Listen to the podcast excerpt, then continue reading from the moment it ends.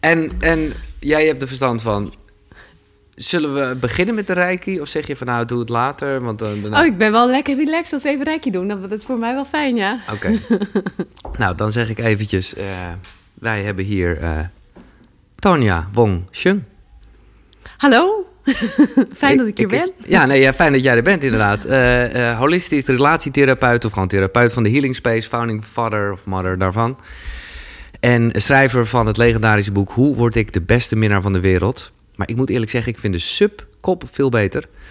Omdat de wereld jouw liefde nodig heeft. Dat Ja. is toch fucking mooi. En jij bent dus ook Reiki Master. En eh, ik ben dan gewoon nieuwsgierig. Ik heb het ooit wel eens een keer gedaan. Of het is mij overkomen, hoe zeg je dat? I- iemand heeft het bij mij gedaan. Ja. Ehm, maar dat is lang geleden en ik vond het wel heel krachtig. Maar ik vroeg je net van, zou je dat gewoon zo kunnen doen? Jij zegt ja. Ja, Dus als ik nu naast jou kom zitten... kan ik je even reiki geven, zeker. Ja. Mag je eigenlijk reiki geven in deze tijd? Ehm, ja, oh, dat is wel tricky. goed. Ja, wij nee, kennen elkaar heel En we goed. zijn uitvoerig getest. ja, we zijn, ja, precies. Dus dat ook nog eens een keer. Oké. Dus eh, ik ga een beetje... Of moet ik echt mijn mond houden? Want ik wil eigenlijk omschrijven wat er gebeurt. Omdat de meeste mensen luisteren. Nou ja, omschrijf me wat er gebeurt. Oké. Dus uh, Tanja die heeft nu uh, haar handen op mijn hoofd. Ik weet eigenlijk niet of ze, of ze nou echt aanraakt... of dat ik gewoon de warmte voel zonder de... Raak je hem aan of niet? Niet heel erg. Nee, precies, En dacht die ik. haarlijn. Ah ja, precies. Want Reiki is, is eventjes gewoon de definitie is... Het is een Japanse heelkunst, waarbij onder andere handoplegging wordt gebruikt. Precies. Japanse heelkunst, mooi. Ze ontstaan rond de vorige eeuwwisseling. Maar de energie waarmee gewerkt wordt, die is al zo oud als de wereld. Oh, we gaan het uitgebreid hebben over energie. Want ja, ja nee, maar ik vind dat echt... Jij weet daar veel over te vertellen. En wat ik hier interessant aan vind, is dat Reiki is toch gewoon heel... Of, is, is, of nou, niks is gewoon, maar met, met de verschillende chakra's, met de verschillende kringetjes. Zo. Nou, het beperkt zich niet tot chakra's. Oh, Dus eh, op dit moment inderdaad, hier behandel ik je kruinchakra, hier je voorhoofdchakra. En zo kan ik al je chakra's behandelen, maar eh, ik kan ook werken meer op de organen. Eigenlijk de reiki gaat waar het moet gaan. Dus, ik haal eh, toch even de microfoon. Ja, beter hè. dus de energie zoekt eigenlijk eh, zijn eigen weg in jouw lichaam. En ik kan wel kiezen om op bepaalde energiepunten te werken om eh, ja, de toegang tot je lichaam makkelijker te maken. Maar als het eenmaal in je lichaam is, dan zoekt het zelf zijn weg. Dus of het meer op orgaanniveau werkt of meer op de meridiaan, op de chi in je lichaam. Mhm. In de Chinees zeggen chi, in Japan zeggen ze ki, in India zeggen ze kundalini of prana. Maar het zijn eigenlijk allemaal aanduidingen voor dezelfde ja, levenskracht eigenlijk. En ja, nee, ik, ik moet nu niet te veel vragen stellen natuurlijk, hè, of wel? Of, eh, Nou, ik weet niet, wat voel jij? Ik kan jou ook een vraag stellen. Nee, ja, oh, oké, maar dan gaan we straks over die energie eh, door. Ja, Nee, ja, maar ik, ik, eh, nee, ik ben heel benieuwd wat jij voelt. Ja. nou ja, de essentie is altijd dat jij, degene die ontvangt, die voelt. Degene die geeft, die geeft eigenlijk alleen maar door. Dus het gaat niet zozeer om mijn sensaties. Maar het gaat er heel erg om dat de energie in jouw lichaam eigenlijk gaat stromen. En ofwel aanvult waar energie nodig is, ofwel een blokkade opheft waar ja, te veel aan energie is. Of waar de stroom wat gestagneerd is. En dat eh, ben ik nu aan het doen. En wat ik voel is, nou hier is wel veel energie nodig bij jou.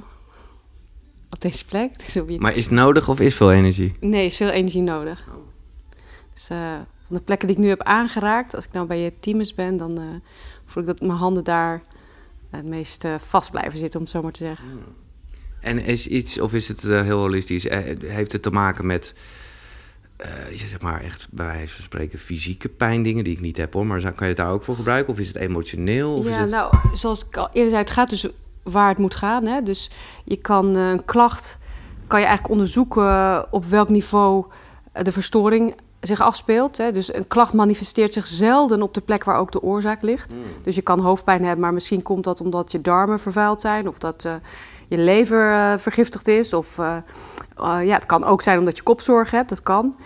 Ehm, maar je kijkt eigenlijk, als je holistisch kijkt, kijk je, oké, zit het in de structuur? Dus is er iets met een van de organen of de weefsels? Zit het in de biochemie? Zijn er stoffen tekort eh, of te veel? Kan, kan, kunnen de biochemische processen goed verlopen in het lichaam? Mineralen, vitamine, denk daaraan. En, of is het een psychische Uh, Heeft het een psychische oorsprong? Is er een emotie die uh, dwars zit? Of uh, is het energetisch? Denk aan straling, apparatuur, nou ja, allerlei straling, ook natuurlijke straling van de aarde, kan soms voor sommige mensen op sommige plekken verstoringen opleveren. Dus dat is wel echt alles inderdaad, ja. Ja, dat is holistisch. Ja, precies. Is er, mag, want ik doe dit eigenlijk specifiek voor een bepaalde plek, of moet je daar zelf achter komen? Daar, nee, jij mag het gewoon zeggen hoor. Nee, ik heb dus, en, en daarom zat ik een beetje in die chakra. Ja. Oh, ik doe bijna de microfoon niet. Uh, uh, ja, en dat is gewoon een beetje de, de, de vaste luisteraar van Koekroe, die weet het wel. Is eigenlijk zeg maar mijn onderbuik. Of een beetje zo boven mijn navel. Ik geloof dat het chakra 2 is. Dat weet ik niet zeker. Ja, dat noemen ze dan sekschakra. Maar dat is al een interessante brug natuurlijk ook naar mijn boek. Want ja, je kan het sekschakra noemen, maar dat is maar net welke intentie je daaraan verbindt. Hè? Mm. Want eigenlijk is dit gewoon de oorsprong van je creatieve energie. Als je nagaat dat uh, wij allemaal eigenlijk verwekt zijn uit een seksuele bron. als er geen seks is, dan is er ook geen nieuw leven. Dus onze oorsprongsenergie, zou je kunnen zeggen, is seksueel tenminste, daar komt bij ons heel erg de nadruk te liggen. Maar ja, ik vind het eigenlijk heel mooi om het weer terug te brengen naar wat het is. Namelijk levensenergie. Levensenergie, creatieve energie. Ja, en dan is het ook weer onschuldig, hè? want we mm. verbinden er zoveel uh, toestanden aan allemaal. Ik denk dat er, als er één energie is waarover mensen in de war zijn, dan is dat eigenlijk onze fundamentele. Absoluut. ook, maar ook een drive, hè? dus laten we, maar precies dit. En kijk, ik kan het dus niet zo goed bedienen. Of kan ik het eigenlijk gewoon niet bedienen? Uh, wat bedoel je daarmee dat je niet kan bedienen? Nou, mijn spieren en zo daar. Oh, oké. In je onderste chakra? Ja, of ja, gewoon... Uh, nee, ja, waar jij nu je handen Ja? Oké, je buikspieren. Ja. Oké. En wanneer merk je dat? Nou, als ik het probeer om dat wel te bedienen. Om aan te spannen en ja. te ontspannen. Ja, en dan blijkt dus, daar ben ik inmiddels al achter... dat ik het dus misschien eigenlijk niet kan ontspannen. Dat ik het eigenlijk altijd gespannen heb. Dat zou dat ook kunnen zijn, dat weet ik niet zo goed. Nou, dan het kan gewoon zijn dat de energie hier vooral stagneert. Dus in je mhm. middenrif. Ja? En uh, dus eigenlijk door een gespannen middenrif... dat daardoor de energie niet goed doorloopt... en hier dus te weinig voeding is om ja, jouw bewustzijn daar ook te krijgen. Alles gaat uiteindelijk over bewustzijn. Dus daar waar jij je aandacht kan brengen... daar uh, gaat de energie stromen. Dus Rijkje mhm. werkt ook met intentie. Uh, maar hier is nog heel veel aandacht nodig ook. En dit is het gebied van zelfliefde. Maar het is ook het gebied van je immuunsysteem. Ah. en daar, daar, ah. daar ben je nu meer mee bezig eigenlijk ja, ja, dan hier. Ja, ja, ja. Maar dus, dat, dat, het heeft gewoon effect. Juist, ja. Het heeft met elkaar te maken. Wow. Moeten we even doorgaan? Of, uh... Ja, ik denk dat je wel. Ik vond, uh, ja, ja. ja, ik vond, ja, kijk, het is altijd een beetje gek om zoiets te doen terwijl je ook aan het praten bent. Ja, ja dat is Maar, uh, ja, nou heb je weer een beetje een beeld, toch? Ja, ja nee, dat had ik ook wel een beetje. Ja. Uh, en laten we dan gelijk even, want jij noemt een paar keer energie. Ja. Um, en er zijn dus drie soorten energie. Uh, help me even. Ja, dat, ik, ik, uh, je, hebt, je, hebt, je hebt zeg maar hemel- en aarde-energie. Oh, ja. Toch? Ja, nou ja, het, het, kijk, uiteindelijk is het natuurlijk gewoon één uh, oorsprongsenergie. Ja, ja, ja. Dus, okay. nee, maar, maar, okay, maar, inderdaad, er zijn verschillende manieren waarop je uh, de energie in je lichaam kan krijgen. Hè. Dus er zijn, uh, laten we zeggen, je hebt je oorsprongsenergie. En dat wordt in de Chinese geneeskunde ook wel je jing genoemd. Dus de energie die je hebt eigenlijk op het moment dat de zaadcel en de eicel bij elkaar komen daar ontstaat eigenlijk de blauwdruk van jouw energie voor de rest van je leven. Dus dat is ook hè, van eh, een beetje mannelijke, een beetje vrouwelijke energie. Ja, ja nou, wij, we streven altijd naar een balans vanuit ja, onze oorsprong. Van, en de Chinezen hebben dat dan de Tao genoemd, yin-yang denken. Een balans tussen yin en yang. En in de oorsprong is dat dus allemaal heel. Hè, dan is er een perfecte balans kan je zo zeggen. Dus jouw blauwdruk, jouw hoeveelheid energie. Stel het je voor als één koffer energie, maar de ene persoon heeft een hele grote koffer en de andere kleintje. Maar als die koffer leeg is, dan is het ook einde leven. Ja, ja, ja. Dus de oudste geneeswijzen zijn erop gericht om die energie zo min mogelijk aan te tasten. Om zo min mogelijk die koffer open te doen. Nou, en wanneer doe je nou die koffer open? Als je uh, dus bijvoorbeeld ja, een, een ongezonde leefstijl hebt. Dan, dan vliegt het weg. Precies. En Uh, dan, Hmm. dan komen we aan die andere vormen. Dus waar ga je dan op leven? Als je die koffer niet open wil doen, maar je wilt toch goed leven. Nou, dan moet je zorgen dat je inderdaad in staat bent om de energie uit de aarde te kunnen opnemen. De voeding van de aarde is dus heel belangrijk. Wat, wat eet je? En Mhm. uh, ja, dat je ook letterlijk uh, in de natuur bent. Ja. Je voet op de Dat aarde. dat gewoon eigenlijk opsnuift om je koffertje- ja, in Ja, ja. En de energie van de hemel, dus het zonlicht en, uh, en, de, en ook je gedachtenwereld. Hè, waar voed je die mee? Dus wat, wat voor voeding geef je je mind? En eigenlijk de mix van die twee, dat zorgt voor de balans in je systeem. Ja. Dus als jij weet waar je het voor doet en je weet ook hoe je daar moet komen, nou dan uh, blijft je yin en yang in balans. En dan hoef je die koffer dus niet open te gooien. Nee. Maar die koffer, want even, want even dacht ik bijna dat je zegt van dat, dat heb ik wel eens ergens gelezen. Ja. En toen dacht ik, ja, dat is toch, het ligt er ook aan hoe je leeft. Maar dat Ja. is een beetje wat je zegt. Dat, wij, dat wij als mens eigenlijk een bepaald aantal in- en uitademingen hebben. Ja, dat zeggen ze weer in de Indiaanse filosofie, hè, met ze Ja. daarover. Dat, uh, Maar dat kan je dus wel degelijk een beetje beïnvloeden als je Ja. meer in de natuur bent, als je meer Maar je kan het ook oefenen door ademhalingstechnieken. Ja. Als jouw Dan doe je aantal... gewoon minder. Ja, nee, maar dan doe je er echt minder. Dan, dan blijft het. Dan. Precies. En die energie uit de hemel, hè, die prana, dat kan je dus ook trainen uh, door reiki te doen. Want dan ben ik eigenlijk bezig om die energie te channelen, zo zou je het kunnen zeggen. En die gaat dan door mijn handen.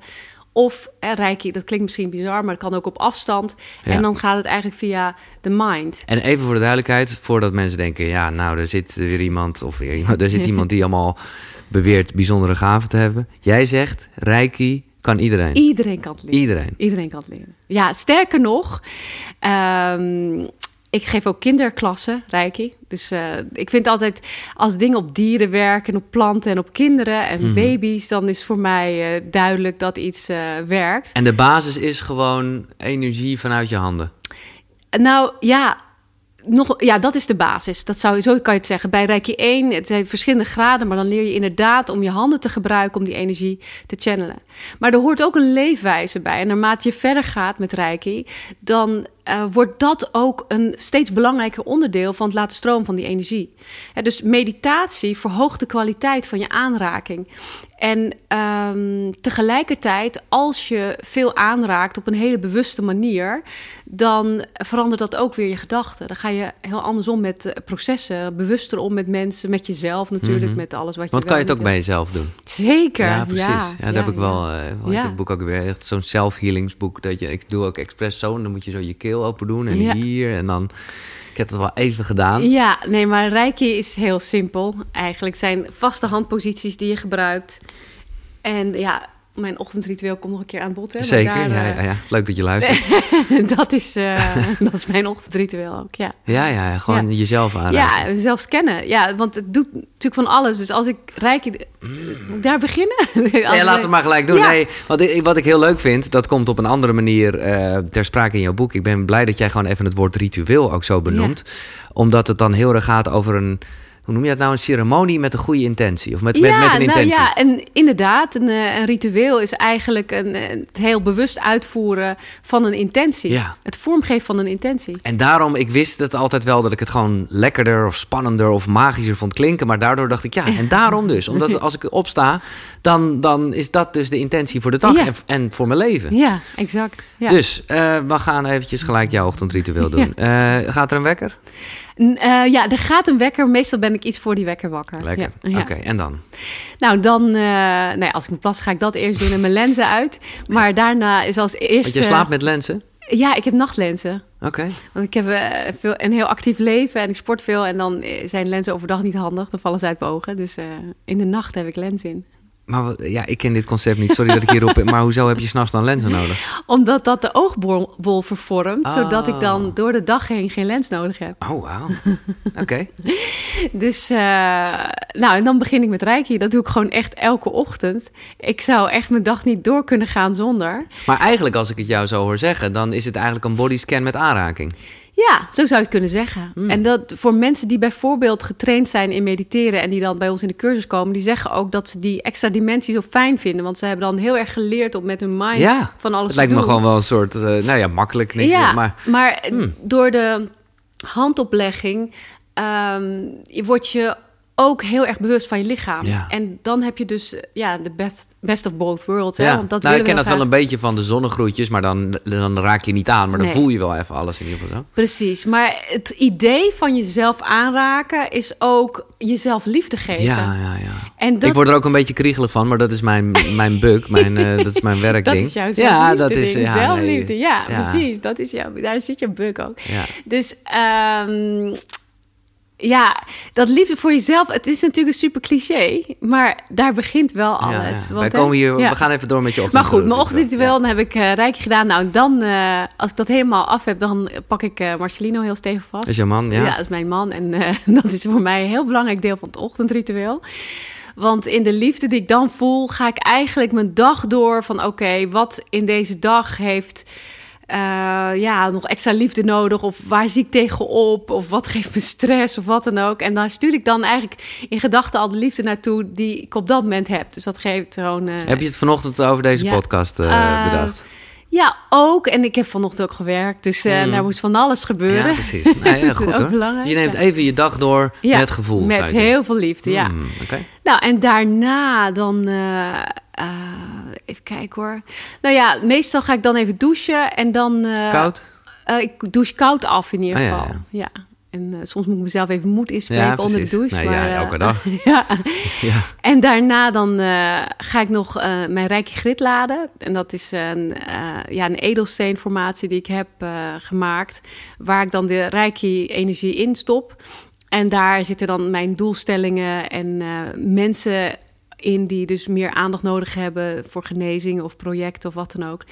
Maar dat haal je uit een steen. Nee, ik haal het niet uit steen. Ik vul de steen Je met reiki. Ja. Dus een bergkristal heeft het vermogen om eh, heel lang trilling vast te houden. Ja? Dus meer dan 24 uur kan ik die kristallen opladen met die reiki-frequentie. Ja, ja, ja. Het is allemaal frequentie. Ja. En in dat veld is dus een heel kolom met die energie. Daar plaats ik dan foto's in of namen van mensen die om hulp hebben gevraagd. En eh, mijn eigen projecten, dus de podcast van Giel ja, Belen, ja, die ligt nu op mijn Reiki-grid. Oké. En zo eh, krijgt het dan 24 uur lang eh, energie. Nice. Nou, en daarna, als dat klaar is, dan zeg ik meestal nog even een affirmatie tegen mezelf in de spiegel. Oké. En dan ben ik ready. Wil je er iets van delen? Oh ja, natuurlijk. Ik- heb er drie favorieten die standaard op mijn spiegel hangen. En nou, deze doe ik ochtends of als ik aan het eind van de lange werkdag wil ik nog wel eens zeggen van. eh, Spirit, please clear and remove all vibrations, cords, beings and influences which are not for my most abundant good. Of als ik inspiratie nodig heb, zeg ik: eh, Spirit, please align and allow me with my soul's highest and fullest path. And give me all the awarenesses that I need. Dus eh, ja, dat is mijn manier om te verbinden met de Hmm. bron. En, eh, Maar even technisch, hè? waar gaat dan die energie naartoe? Als jij dit vraagt, van eh, ga even weg met de negatieve energie... Ja. of in ieder geval de energie die Ja. mij niet... Kijk, als het hè, vanuit de alles is één Ja. gedachte... waar gaat die energie naartoe die dan? gaat terug naar het universum, naar de ja, bron. ja, gewoon eh, lekker... eh, Ja, eh, terug naar de bron. Ja. die daar gewoon prima voor kan zorgen. Ziet gewoon als eh, substromen, weet je, rivieren die teruglopen Ja, in de zee. dus het is niet dat je de buren ermee lastig valt. maar. Nee, nee, nee, nee, nee, nee. Want ja, ik, daar zou ik mijn energie nooit op richten. Maar ehm, je moet daar wel een bewuste intentie voor hebben... Ja. om dan die energie ergens nog heen te willen sturen, zeg maar. Ja, dan En wordt ik- het bijna een soort voodoo-achtig. Precies, Ja, en nee, ik wil gewoon terug eh, Ja, naar waar het vandaan komt. Ja. Jij noemde dat al even, eh, dat het een belangrijk onderdeel is van jouw eh, ochtendritueel en van het leven zelfs. Knuffelen Ja, is een essentiële levensbehoefte. zeker weten, ja. Dus, eventjes, we weten het allemaal, maar ik ga dan toch vragen, in wat voor een verkrekte tijd leven we dan nu? Ja, het is heel armoedig. Het Ja. is heel schraal en het is echt, echt verdrietig om te zien. Er komen soms mensen bij ons die echt, nou, ik durf bijna niet te zeggen, maar die zijn al een half jaar niet aangeraakt. Nee. Als je gewoon nu in deze tijd geen levenspartner hebt, kan het gewoon gebeuren. Dat je al een half jaar niet aangeraakt bent, sommige mensen langer. En mensen drogen ook helemaal op. En die raken ook een soort van eh, gedistanceerd van zichzelf. Hè? Mhm. Dus eh, aangeraakt worden is ook een manier waarop je jezelf bewust wordt. Ja, En als dat nooit gebeurt, krijg je dus eigenlijk ook nooit een bevestiging. En er is zo'n mooie zin, vind ik altijd zelf. En dat Mhm. is: eh, niets leeft wat niet iets anders aanraakt. Het is even een doordenkertje. Nou ja, het is een beetje een kohan. Hè? ja, ja, ja. Dus niets leeft wat niet iets anders aanraakt. Dus als je helemaal geen afdruk van jezelf op iets Nee. Anders of iemand anders kan achterlaten of niemand anders op jou, dan kan je afvragen waar je levensstroom voelbaar is. Ja, nou goed, ik denk dat je nog altijd gelukkig ook hebt, waarvan je zelf ook zegt, ja, Reiki kan ook op afstand. Ik bedoel, energie is er, er is ook energieuitwisseling zonder aanraking. Die is er zeker. Maar Maar, ik- dat zal nooit Nee. eh, een vervanging kunnen Nee. zijn van. Nee. Het kan een ondersteuning zijn, het kan een bescherming zijn, maar het kan nooit dezelfde sensaties teweeg brengen die wij in onze menselijke vorm gewoon nodig hebben. In jouw boek heb je het over eh, verschillende soorten kinderen. Daar heb je zelf een, een, een mooi rijtje van gemaakt. Ja, Eh, zal ik het er even bij pakken of ja weet je doe uit je hoofd? Nee, ga je gang. Want ik denk dat iedereen, ja, en we gaan heel bij de hand. Ja, het is mijn eigen podcast. We gaan gewoon even zoomen op eh, die van mij. Ja. Maar eh, ja, misschien zal je jezelf herkennen. Dit is ja, wat jij ook hier schrijft. Na twintig jaar als relatietherapeut kom ik uit op de volgende patronen. Het verlaten kind. Nou ja, dat is. nou ja, dat, het spreekt voor zich, zou ik zeggen. Iemand die Mhm. verlaten is, op welke Mhm. manier dan ook, of in ieder geval dat gevoel heeft. Het niet aangeraakte kind. Het verwende kind. Het verwaarloosde kind. Het niet begrepen kind. Wat is eigenlijk het niet begrepen kind? Nou, eh, het kind wat misschien wel eh, hele liefdevolle ouders heeft, maar gewoon niet begrepen wordt in wie die is. Dat kan dat je, ja, misschien ben je slimmer dan je ouders. Eh, of, of je bent, misschien ben je gehandicapt, kan ook. Mhm. Maar dat je op een of andere manier in een andere frequentie zit dan het gezin wat om je heen is. Het mishal- eh, mishandelde kind. Dat Ja. is dan geestelijk en fysiek, neem ik aan. Ja, Het misbruikte kind. ja, En het karmisch belaste kind. ja. Wat, kan je dat laatste nog een beetje uitleggen? Ja, zeker. Nou, in essentie zijn we denk ik allemaal karmisch belaste kinderen. Ja. Omdat we allemaal het pakketje van eh, de onverwerkte delen van onze ouders eh, op ons bord En hebben. misschien zelfs wel meer daarvoor. De, de, de boomringen die in ons Ouders, zitten. Ja. voorouders, zeker weten. Eh, maar waar ik hier naar refereer eh, voor het spectrum van het boek... Zijn, is wel echt het karma van, laten we zeggen... noem maar iets, een, een kind, een, een zus of een broer... die ter adoptie is afgestaan door je moeder... Mhm. en jij weet er helemaal niks van. Ah, oké. Maar ergens... En ja, nou in het boek geef ik dan een voorbeeld van een, een case van een vrouw die er dan eh, in haar leven, tijdens haar huwelijk, eh, gaat haar man zodanig vreemd dat hij ergens anders twee kinderen verwekt. En ehm, nou, dat is natuurlijk een heel drama. En ik begeleid die vrouw een tijd. En eh, na, na zoveel jaren komt ze weer terug en gaan ze echt scheiden. Eh, maar eigenlijk heeft ze pas vrede gevonden met alles op het moment dat ze erachter is gekomen. Vlak voordat de tante stierf, heeft ze haar gebeld en gezegd: Ja, jij had eigenlijk nog een broer of een zus en die is afgestaan.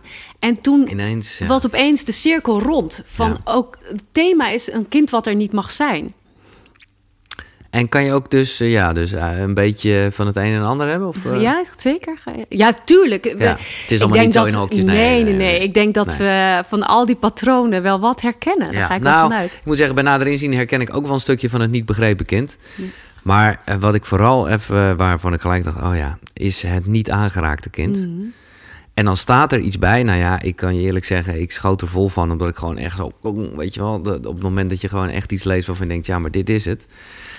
Eh, dus dan kan het zijn dat je misschien veel bereikt hebt, dat je succesvol bent in de ogen van anderen, maar dat er nog eh, een innerlijke onrust is. En dat je dus de hele tijd maar voortstuwt, schrijf je, om nieuwe grote dingen te manifesteren. Dus ergens, want het gaat allemaal om, om vertrouwen. Dat Ja. is, eh, maar dan denk je dus wel dat je vertrouwen hebt. En dat heb je ook wel. Je hebt vertrouwen in wat je kan. Maar je hebt eigenlijk dus geen vertrouwen in jezelf. Nee, geen vertrouwen in het zelf, in jezelf. Ja. Dus is mijn vraag in, in, eh, ja, in de categorie alles kan je trainen. ja. Hoe kan je vertrouwen trainen?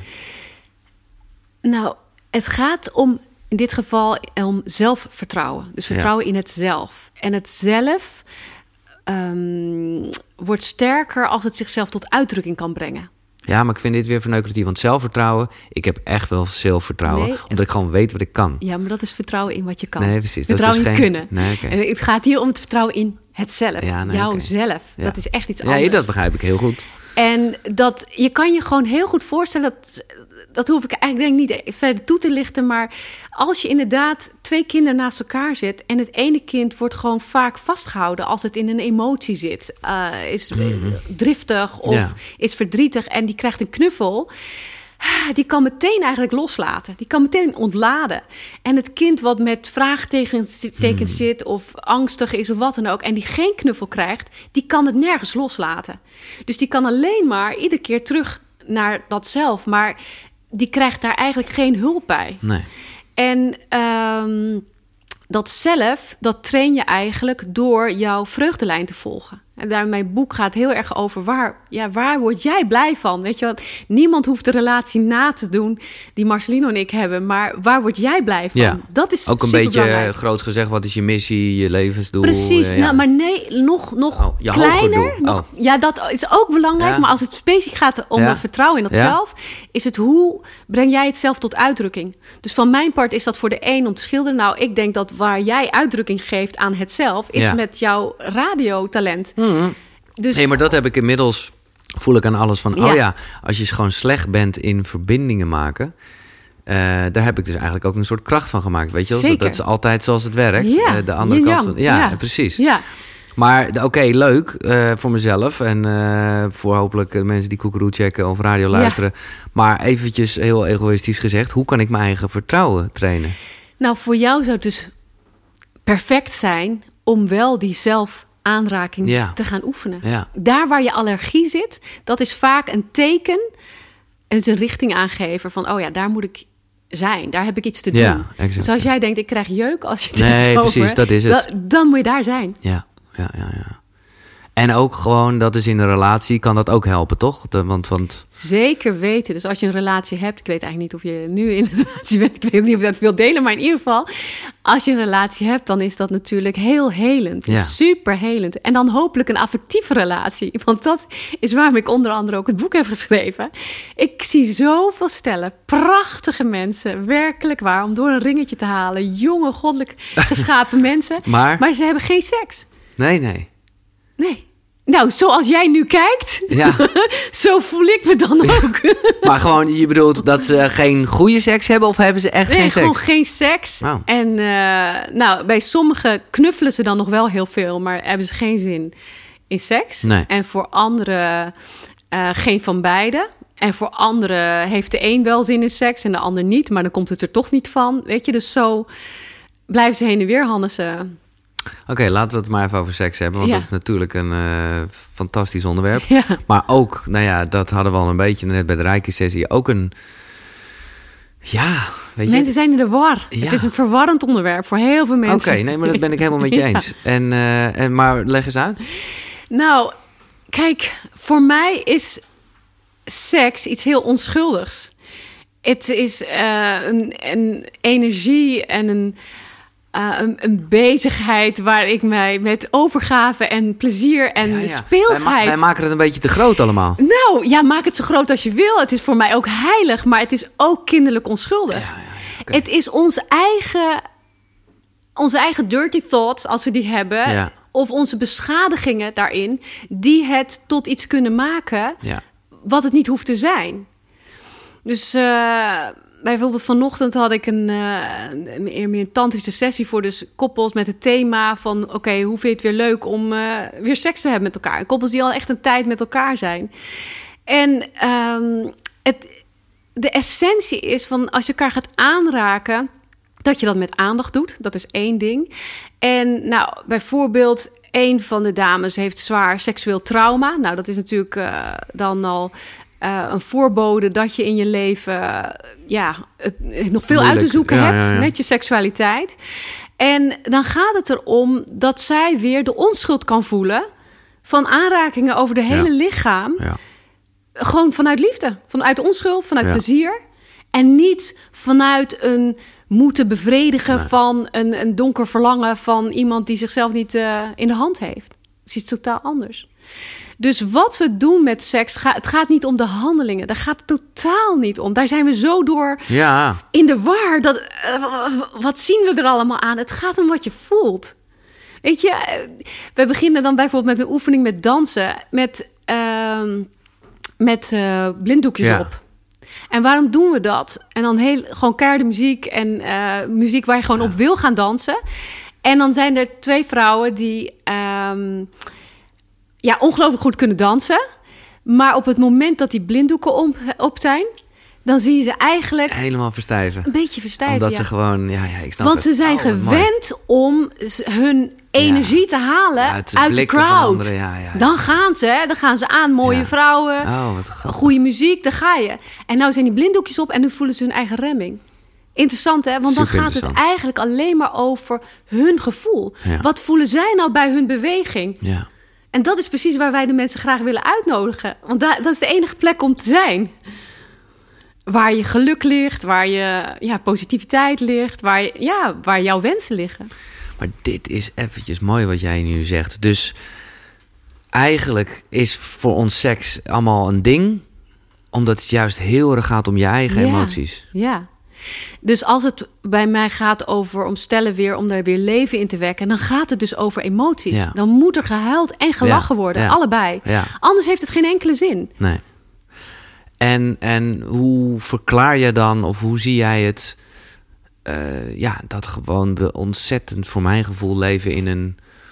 Nou ja, al jaren hoor, maar in een porno-tijd zal ik maar zeggen. En dan bedoel Ja. ik, aan de ene kant heb je natuurlijk gewoon de websites waar je dat echt Mhm. ziet. Maar ook een beetje onder de gordel met gewoon reclames en nou ja, gewoon ja, dat. ja, ja, het is echt afschuwelijk, omdat we inderdaad onze geest zo afleiden van waar het werkelijk om gaat. Weet je, ik moet heel erg denken aan eh, die tempels in Khajuraho in India. Ik weet niet of je daar ooit van gehoord Nee. hebt. Eh, Geert van Krimpen heeft er heel mooi over geschreven in Het meisje dat aan de oever verscheen. Ook wel mooi. Staat nog niet op mijn lijst. Ik heb Oh, hem ja, gelezen. Ja, ik heb hem wel eh, ja, een keer het is een mooie. Ik denk dat je er heel erg van zal genieten. Maar in Khajuraho in India heb je dus oeroude tempels. Die zijn al, weet ik veel, duizenden jaren oud. En eh, net zoals in andere oude culturen, zoals in Griekenland en in, in, en, nou, in eh, Egypte, daar heb je op day-to-day voorwerpen, heb je allemaal afbeeldingen en ook op die tempelmuren, waar wij in onze tijd nu naar zou verwijzen als pornografisch. Oh, oké. Interessant, hè? Ja, interessant. gewoon als je een Omdat ze gewoon aan elkaar zitten. ja, of dat, eh, ja, op ja. een vaas, op een Griekse oude vaas, kan je gewoon twee mensen vinden. Maar wat is in het een- wel dan? Want, want ja. Nou, ehm, ik ga nog even verder op Ja, die, ja. die tempelmuren. Daar zie je dus die eh, erotische afbeeldingen, zoals wij ernaar kijken. Maar het interessante is dat degene die ernaar kijkt, die bepaalt wat hij ziet. Want er zijn ook gewoon, die tempels worden de sekstempels genoemd. Maar eigenlijk, tussen die afbeelding zijn ook mensen die eh, brood aan het verkopen zijn. ja. En eh, die eh, Nee, een kar voortduwen. Weet je? Het is gewoon een onderdeel van het leven. Het is een onderdeel van het leven. En het is gewoon degene die ernaar kijkt, die resoneert op datgene waar zijn geest op is afgesteld. Ja, ja, maar dat komt ook. en ik denk dat ik wel een soort beeld heb van hoe die afbeelding eruit ziet. Dat voelt toch als een soort één grote orgieachtige toestand.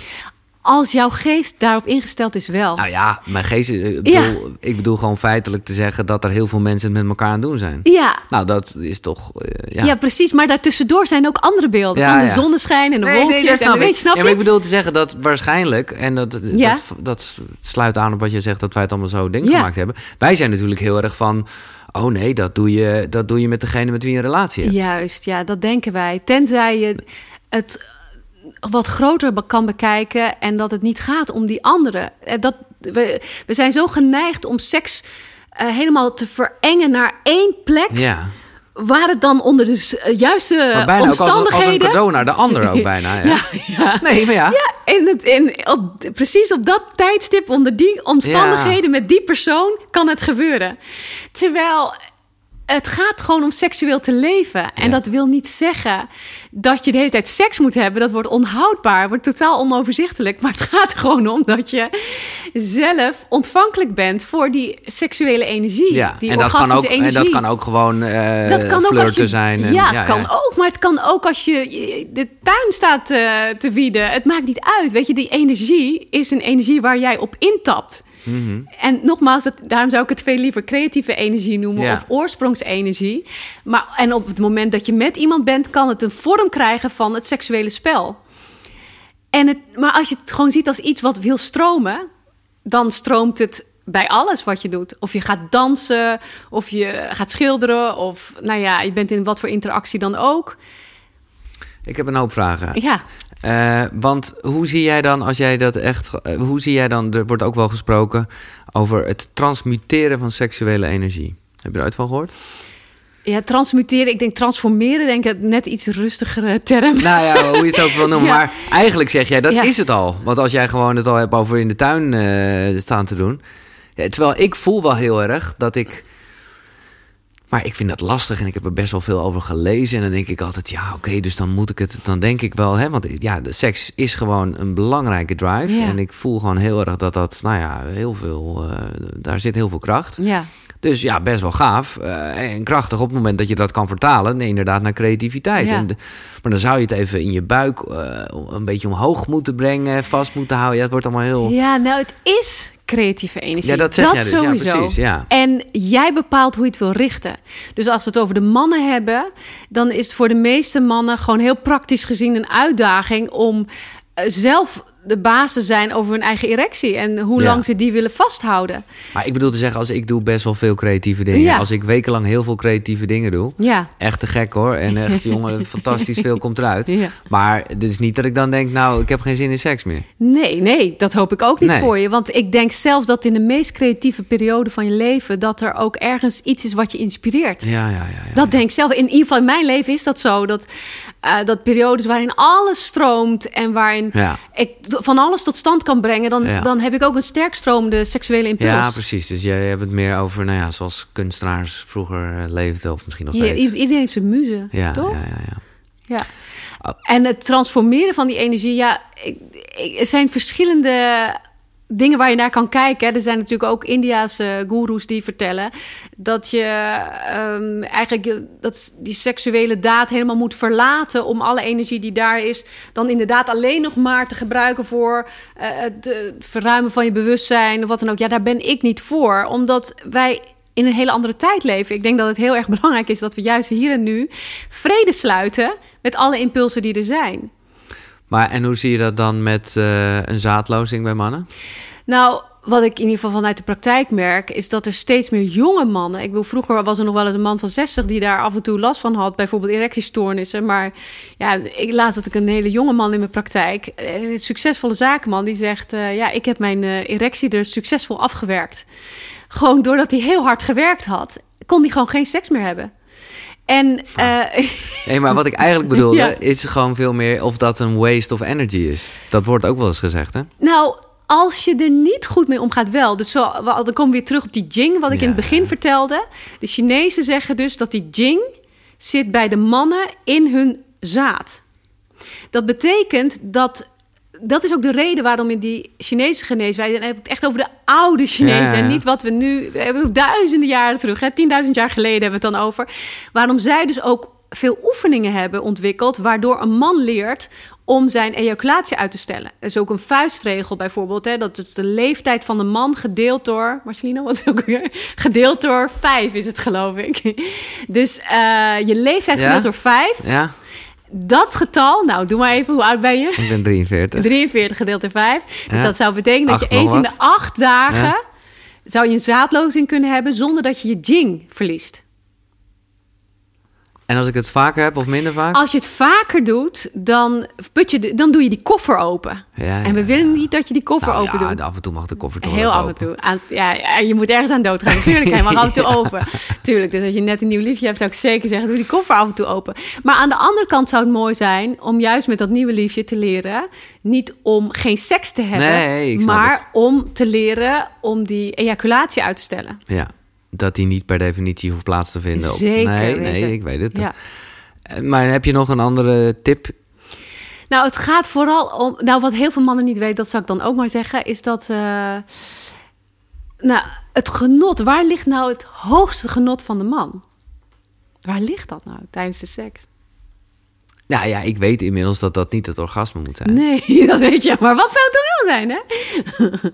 Wat zou het wel zijn? Ja, maar ik ben heel erg... En dat bedoel ik echt niet, wil je echt niet de prins op het witte paard uithangen. Maar ik kan gewoon oprecht gelukkig worden van iemand anders die blij is. Ja. Exact. Maar dan heb je hier dus het enige echte, geweldige Oh, antwoord dit is, gegeven. dit is het goede antwoord. Oké. Dankjewel, Giel. Oké. Geweldig. Nou ja, het hoogste genot van een man is eigenlijk de vrouw naar Ja. extase brengen. Ja. Om, waarom is dat nou zo? Omdat de vrouw een veel wilder orgasme heeft. Ja. De, de, Oh, de Ja. mannelijk orgasme is eigenlijk heel rechtlijnig. Gaat gewoon één kant op klaar. En vrouwelijk orgasme gaat het hele universum door. Dus als je als man kunt blenden met die vrouwelijke energie... dan word je zo de, de hemel ingetild. Maar heel veel mannen weten dat niet. Dus die doen de raarste dingen om maar tot een orgasme te komen. Maar er beleeft niemand genoeg aan. Ze zien het meer als een prestatie.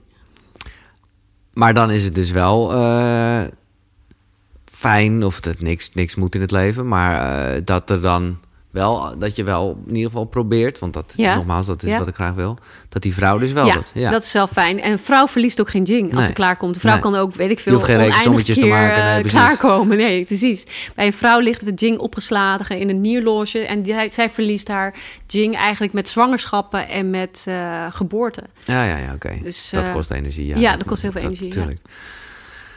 Fantastisch, echt top. Want dit is een veelvuldig terugkerend Ja. thema in mijn hoofd en, en daarmee ook in de gesprekken. En je hebt er veel wijze dingen over gezegd.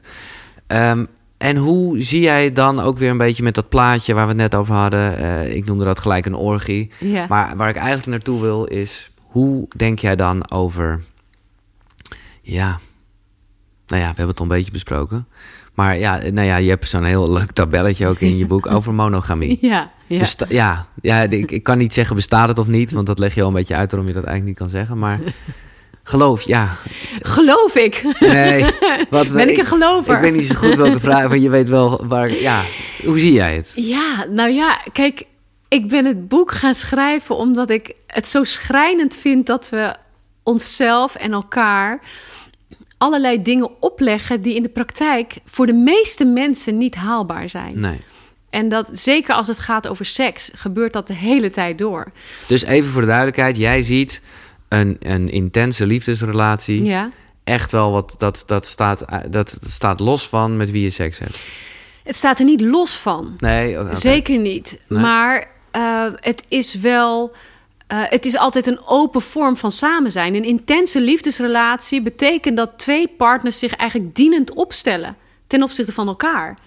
Dus als er in het pad van de een zich iets voordoet waarin die ook een ontmoeting heeft met een ander, wat om welke reden dan ook belangrijk is, eh, dan worden er geen kettingen aangelegd.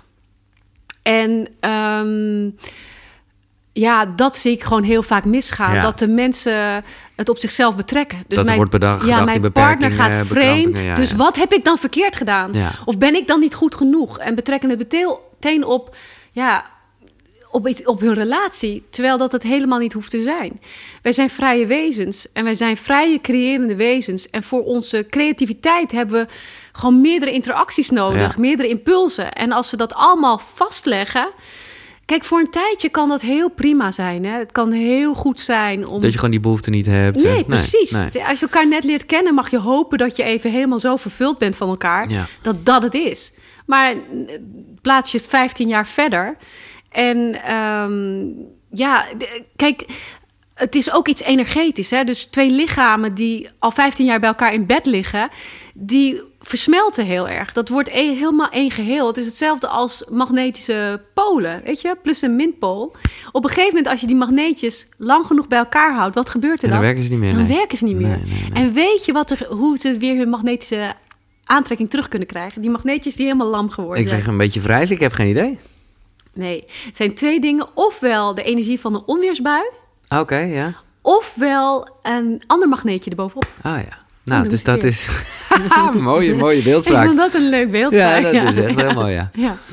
Oké, ja, en ik denk dat is een beetje de, de... Nou, dat zal je ongetwijfeld kennen. Ik vind dat Jan Geurts dat mooi eh, omschrijft in Verslaafd aan Liefde. Ja. Dat het vaak al is dat op het moment dat iemand daar... Hè, die eigenlijk die vrijheid gaat beknotten... Ja. en dus een beetje jaloers begint te worden... of eigenlijk zonder enige aanleiding... dat daarmee het een soort self-fulfilling prophecy Ja. wordt... en ineens die behoefte ontstaat om daar Zeker. eh, naar te Ja. handelen. Terwijl Ja. je als, als... Ja, weet je...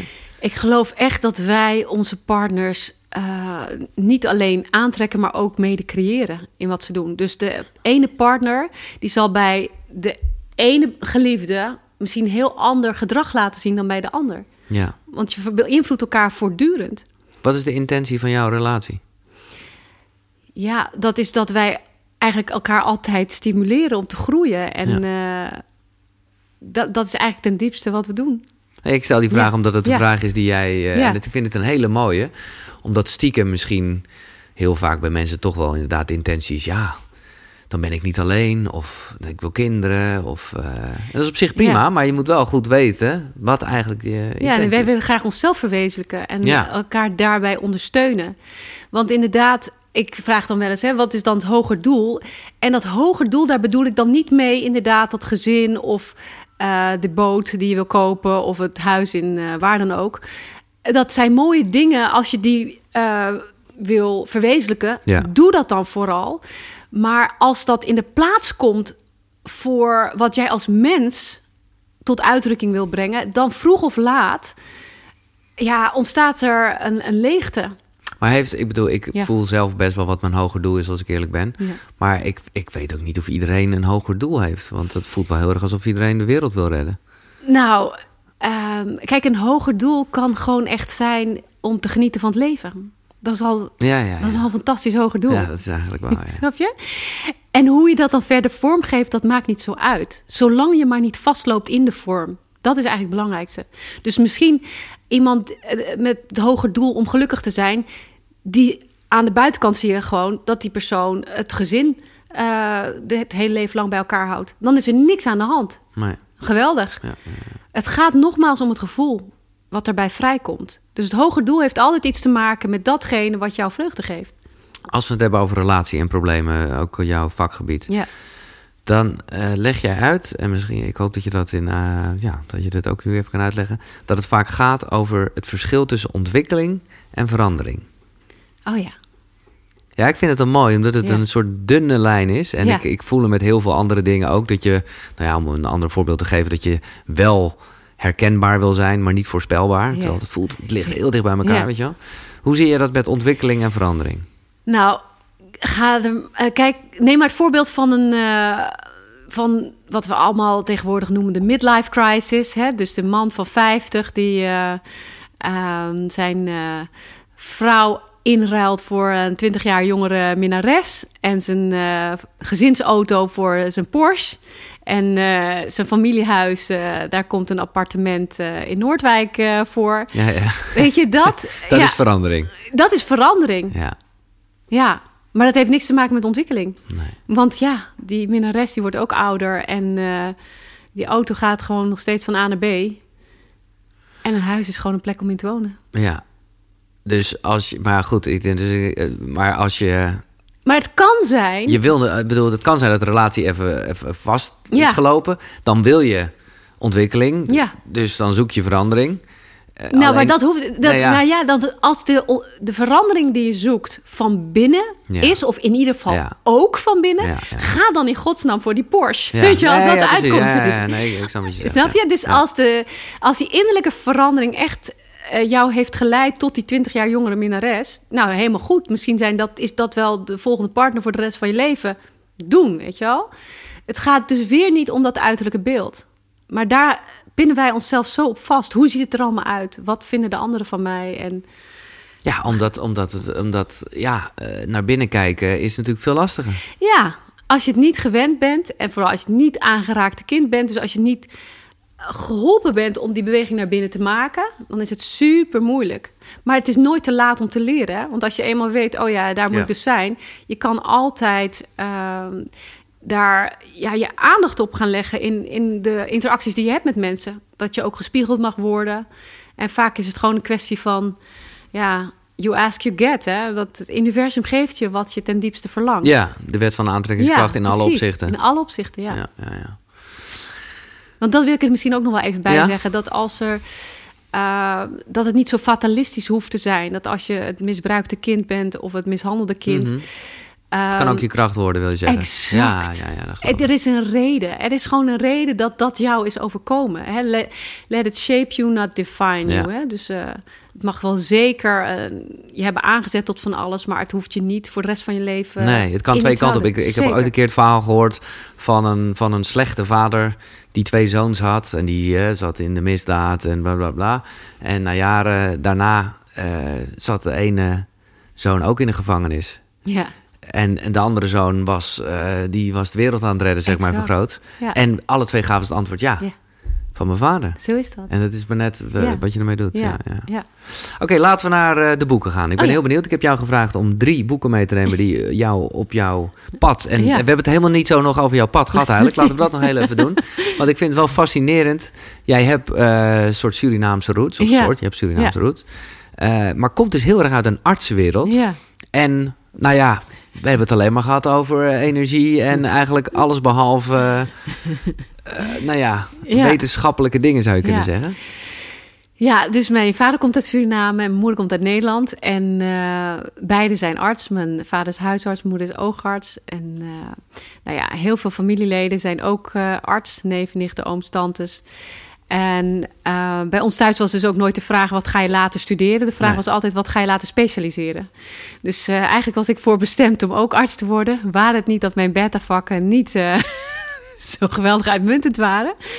Dus mijn natuurkunde, die een 5,4 moest zijn voor mijn eindexamen, werd een 5,3.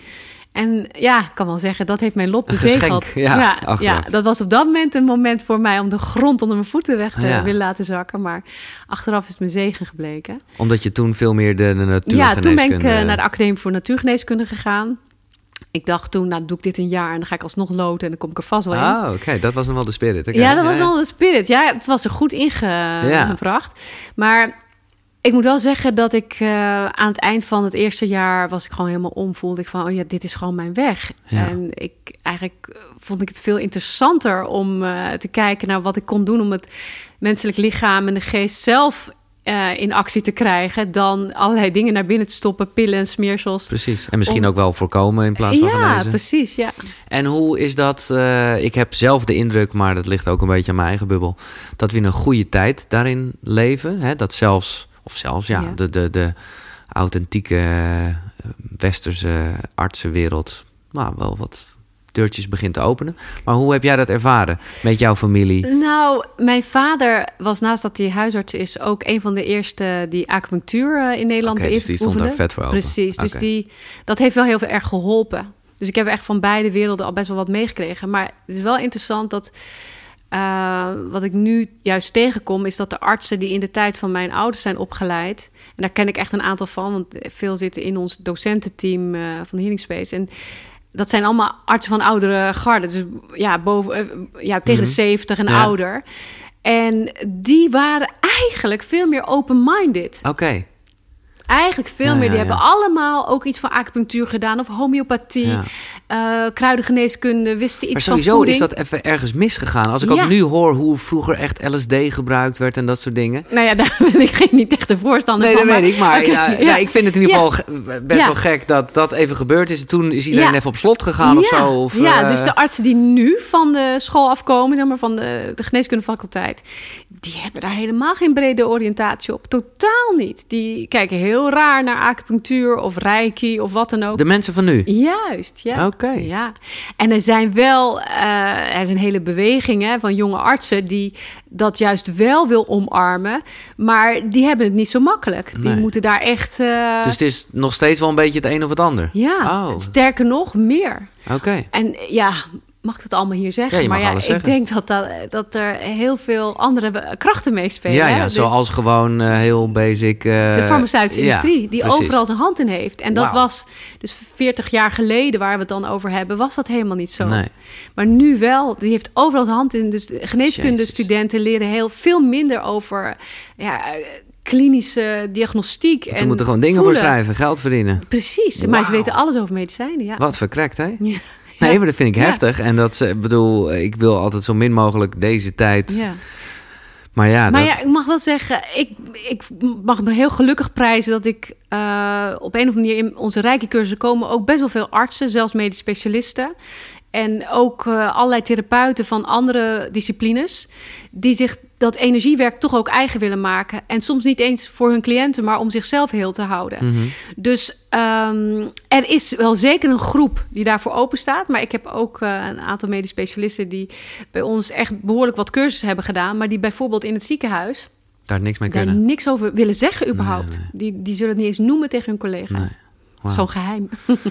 Jij reageerde net best wel op dat eh, LSD-verhaal. Ja. Eh, hoe sta je, want er zijn allemaal experimenten gaande, eh, bijvoorbeeld met MDMA. Ja. Nou, het is misschien interessant om te kijken naar de oorsprong hè, van het MDMA. Weet je waar dat... Het is een onderdeel van de ecstasy. Ja. En uh, weet je waar dat voor ontwikkeld is ooit? Nee, het lijkt me heel traditioneel libido-verhogend-achtige shit. Of, nee, uh, nee, heel veel mensen kunnen nog helemaal nee, je krijgt hebben. Nee, dat is waar. Maar gewoon in ieder geval voor de liefde. Ja, voor nee. de liefde, ja. ja. Ja. Nou, maar waarom voor de liefde? Want dat wel. Het is een hartopener. En het werd dus gebruikt voor spionnen. Oh, gewoon om ze leeg te laten lopen? Ja. Oh, wauw. Dus als je dat op hebt, dan, Ja. dan opent het dus je hart. Maar dan kan dat toch wel degelijk een... Maar waarom dat dat doet, is omdat het in één keer je hele endorfinevoorraad leegtrekt. Ja, Dus wat krijg je daarna? Je krijgt uppers en downers. En daarna eh, kom je dus heel erg in een depressie terecht. Dus je moet daar behoorlijk eh, van alles tegenaan gooien... in je voeding, in supplementen... om dat weer te kunnen balanceren. En dit is wel degelijk en niet een klein beetje je koffer op een kiertje zetten... maar het is hem echt flink openmaken en een flinke graaien. En dat is waarom ik zeg ja...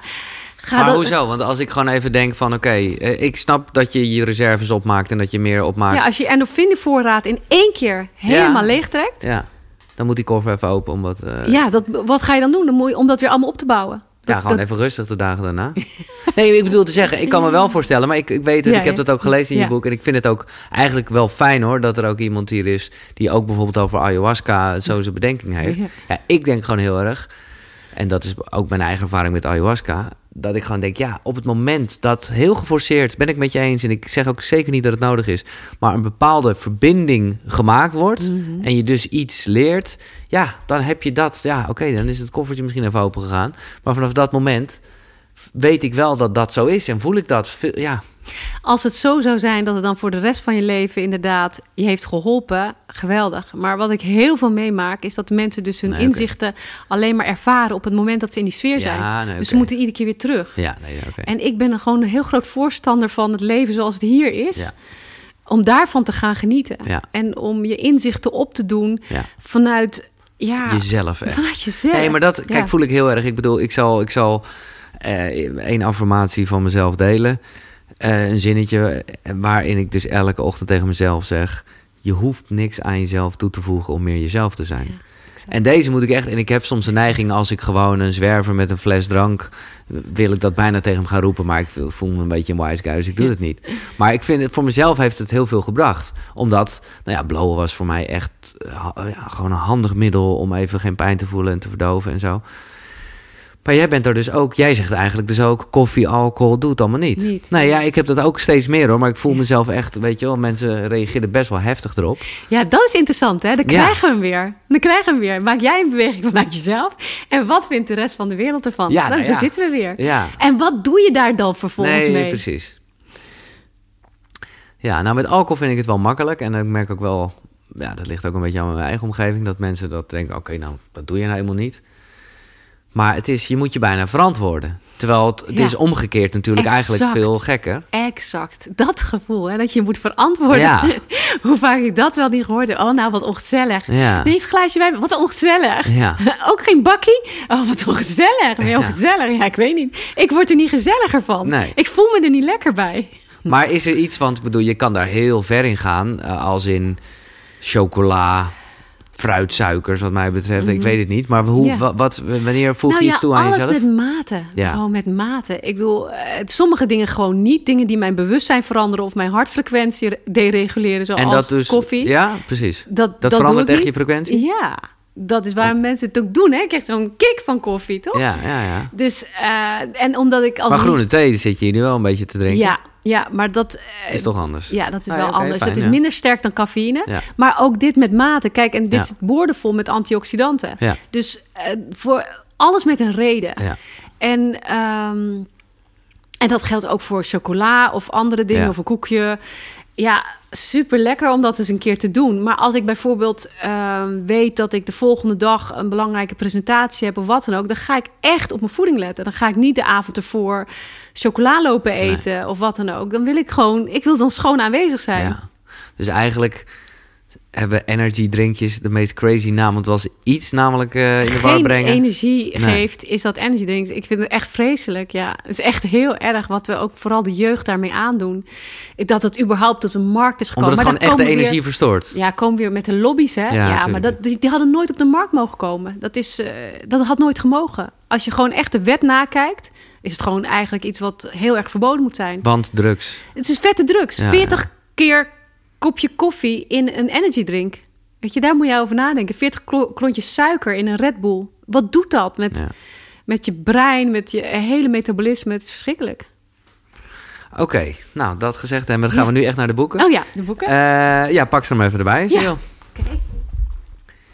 Ik ben heel benieuwd, want het kan dus van alles zijn. Daarom vind, daarom vind ik het fijn dat we toch nog even een beetje jouw Ja. oorsprong... eh, Ja. Want ja, wat, wat... ja, ik weet trouwens helemaal niet waar de camera... Dat hoef je ook niet te weten. Ben je heel bewust van de camera ineens? Nee, maar ik weet niet of ik iets moet laten zien. Oh, zo bedoel je. Oh, nou, dan is dat jouw camera. Daar moet ik laten zien. Het is Nou, ja. dit, eh, hier, dit boek wat ik nu in mijn handen heb, moest, het, eh, moest een strijd eh, leggen met eh Stam van de Holenbeer. Want het, dat, die kennen heel veel mensen van Jim McCall. Maar dit is het jaar dat de paarden kwamen van Mary McKee. En dat gaat dus over de prehistorie. Oké. En ik ben super gefascineerd door... Is het echt of is het fictie? Nee, nou ja, het is een, Een verhaal. een verhaal maar- waar dus echt alles wat eh, deze dame heeft echt onderzoek gedaan naar de prehistorie. Dus ze beschrijft hoe de mensen toen woonden, hoe ze leefden en met elkaar omgingen en welke Hm. rituelen ze gebruikten. En ja, ik vind het ook altijd heel fascinerend om dan eh, te kijken naar hoe ze met seksualiteit omgingen. En die hele oude boeken, die schrijven daar dus ook veel over. Eh, en ja, dat is super fascinerend. Nou, want, want hoe gingen ze met seks? Nou, kijk, dit beschrijft allemaal over toen, de tijd dat ze nog in stamverbanden leefden. En eh, dan moet je je voorstellen, neem maar het einde van een lange winter, eh, dat iedereen in de grot opgesloten heeft gezeten. Ehm, dan, als net weer het licht begint te komen en de sneeuw smelt en je kan weer naar buiten, dat er dan bijvoorbeeld, het heel normaal was dat er een feest was, waarin dan eh, in die grot had je allemaal verschillende vuurplaatsen en daar leefden dan al die gezinnetjes, zeg maar. Maar dan kan het best zijn dat gezin A eh, bij de vuurplaats van gezin B belandt. En dat dan eh, dat er seks is Ja, ja, met verschillende stamgenoten. Maar zeg maar. ik vind dat jij het wel heel romantisch omschrijft. Want ik heb ook wel verhalen gehoord van dat je gewoon als jong, vruchtbaar meisje gewoon even door... Nou, en dat is dus ja, een beeld wat ik heel graag zou willen Oké, ontkrachten. nee, want, fijn. Eh, wel, de knots, hè? De ja, knots. nee, precies. Gewoon het hele rauwe zo. Wij Ja, waren, wij waren, veel, gevoel, meisje mee. wij waren veel gevoeliger vroeger. Eh, ja, Oh, ja, right. echt. We gooiden wel even onze kippen naar achteren, maar goed. eh, nee, dat maakt ook eh, niet zo uit. Zoveel vlees werd er ook niet Oh, gegeten. en er oké, werd oké. heel veel, heel eerbiedig omgegaan. Ook met, Oké. eh, met eh, dieren die gedood werden. Daar werd ook een gebed voor gezegd. Ja, precies. Eh, Oké, wat mooi. Dat ik Dank aan niet. de moeder. En als je ziel weer teruggaat naar de moeder, eh, zend haar mijn dankbaarheid. Dat, waren, ja, dat zijn allemaal spreuken. Dus wij en zitten nu een beetje te doen, oh wat zijn we nu sophisticated en wat waren we vroeger Nee, eh, joh, barbaars is- en het is omgekeerd. Het is echt omgekeerd. Ah. Het is echt omgekeerd. Dit was nog helemaal in harmonie met de natuur. En waarom is dat ook veel logischer? Omdat we toen ook veel afhankelijker waren Zo, ja. van die natuur. Ja. Er was helemaal niks te... Geen veeteelt, landbouw. nee, eh, nee, nee, Dus eh, ja, we moesten wel met de getijden meegaan. Ja. Dus ja, ik vind het super interessant. En wat heeft het jou persoonlijk gebracht? Of, eh, Nou, heel veel bevestiging. Ook over eh, de gelijkwaardigheid tussen man en vrouwen. Het priesterschap, wat, of het priesteressenschap. Wat, elk dorp heeft wel een ziener en heeft een healer. Maar heeft ook een, eh, een wijze vrouw die Ja, ja, we- ja. de kinderen vertelt... hoe ze seks hebben, bijvoorbeeld. Dus ook dat is later weer een beetje teruggedraaid, omdat er alleen maar mannen dat mochten doen. Ja, zeker, zeker. Nee, de- dit, dit, dit zijn de, dit gaat echt over de moedervolkeren. Ja. Maar dat, dit super spannende boek, het is een trilogie. Daar komt dus op een gegeven moment, ze beginnen met die moederlanden. En dan komt er dus eh, eigenlijk het steppenvolk. En dat zijn dan, ja, die, eh, inderdaad, die volkeren waar heel vreed is. Maar die komen dus, hoe ze het hier verklaren is, die komen uit een heel ruig klimaat. Dus die moederlanden, die zijn gewend om altijd een overvloed te hebben. Ja, ja, ja. Dus altijd een overvloedige oogst, het leven is genadig, moeder aarde is gul. Dus zij eh, hebben hun feesten en hun rituelen, oh, die gaan over dankbaarheid. Maar dat steppenvolk, wat alleen maar kou kent Pakken en guurheid kan, en eh, schraalheid... die geloven in een straffende God. Ja, Dus hun rituelen zijn heel bloederig. ja. En zij eh, slachten hun eh, dieren en soms kinderen, brengen allerlei offers omdat zij denken dat hun God dat vraagt, omdat zij die als vreed ervaren. Nou, en dan gaat het er natuurlijk om dat die twee volkeren op een gegeven moment elkaar ontmoeten. En dan een liefdesrelatie tussen een. Ah. kind van de moederlanden en een kind van het steppenvolk. Ja, dat is natuurlijk heel interessant. Nou, Dus leuk. dat, Het jaar dat de paarden kwamen. het jaar dat de paarden kwamen. Oké. Nou, deze, ja, Zo, dat is even een dikke ja, pil, hè? ik kon hem even niet laten liggen. Want het is wel echt, ik moet wel zeggen, dit is echt jaren geleden dat ik dit heb gelezen. Maar hij staat nog steeds op mijn lijstje om nog een keer te lezen. Want De bij Noorderlicht alles trilogie. dacht ik, deze moet ik nog een keer gaan lezen. En waarom is dit? Omdat eh, het is van Philip Pullman en eh, inderdaad een hele dikke pil. Wat ik hier zo fascinerend aan vind, is dat... ehm, Waar gaat het over? ja, eigenlijk worden er allemaal verschillende realiteiten beschreven die tegelijkertijd bestaan.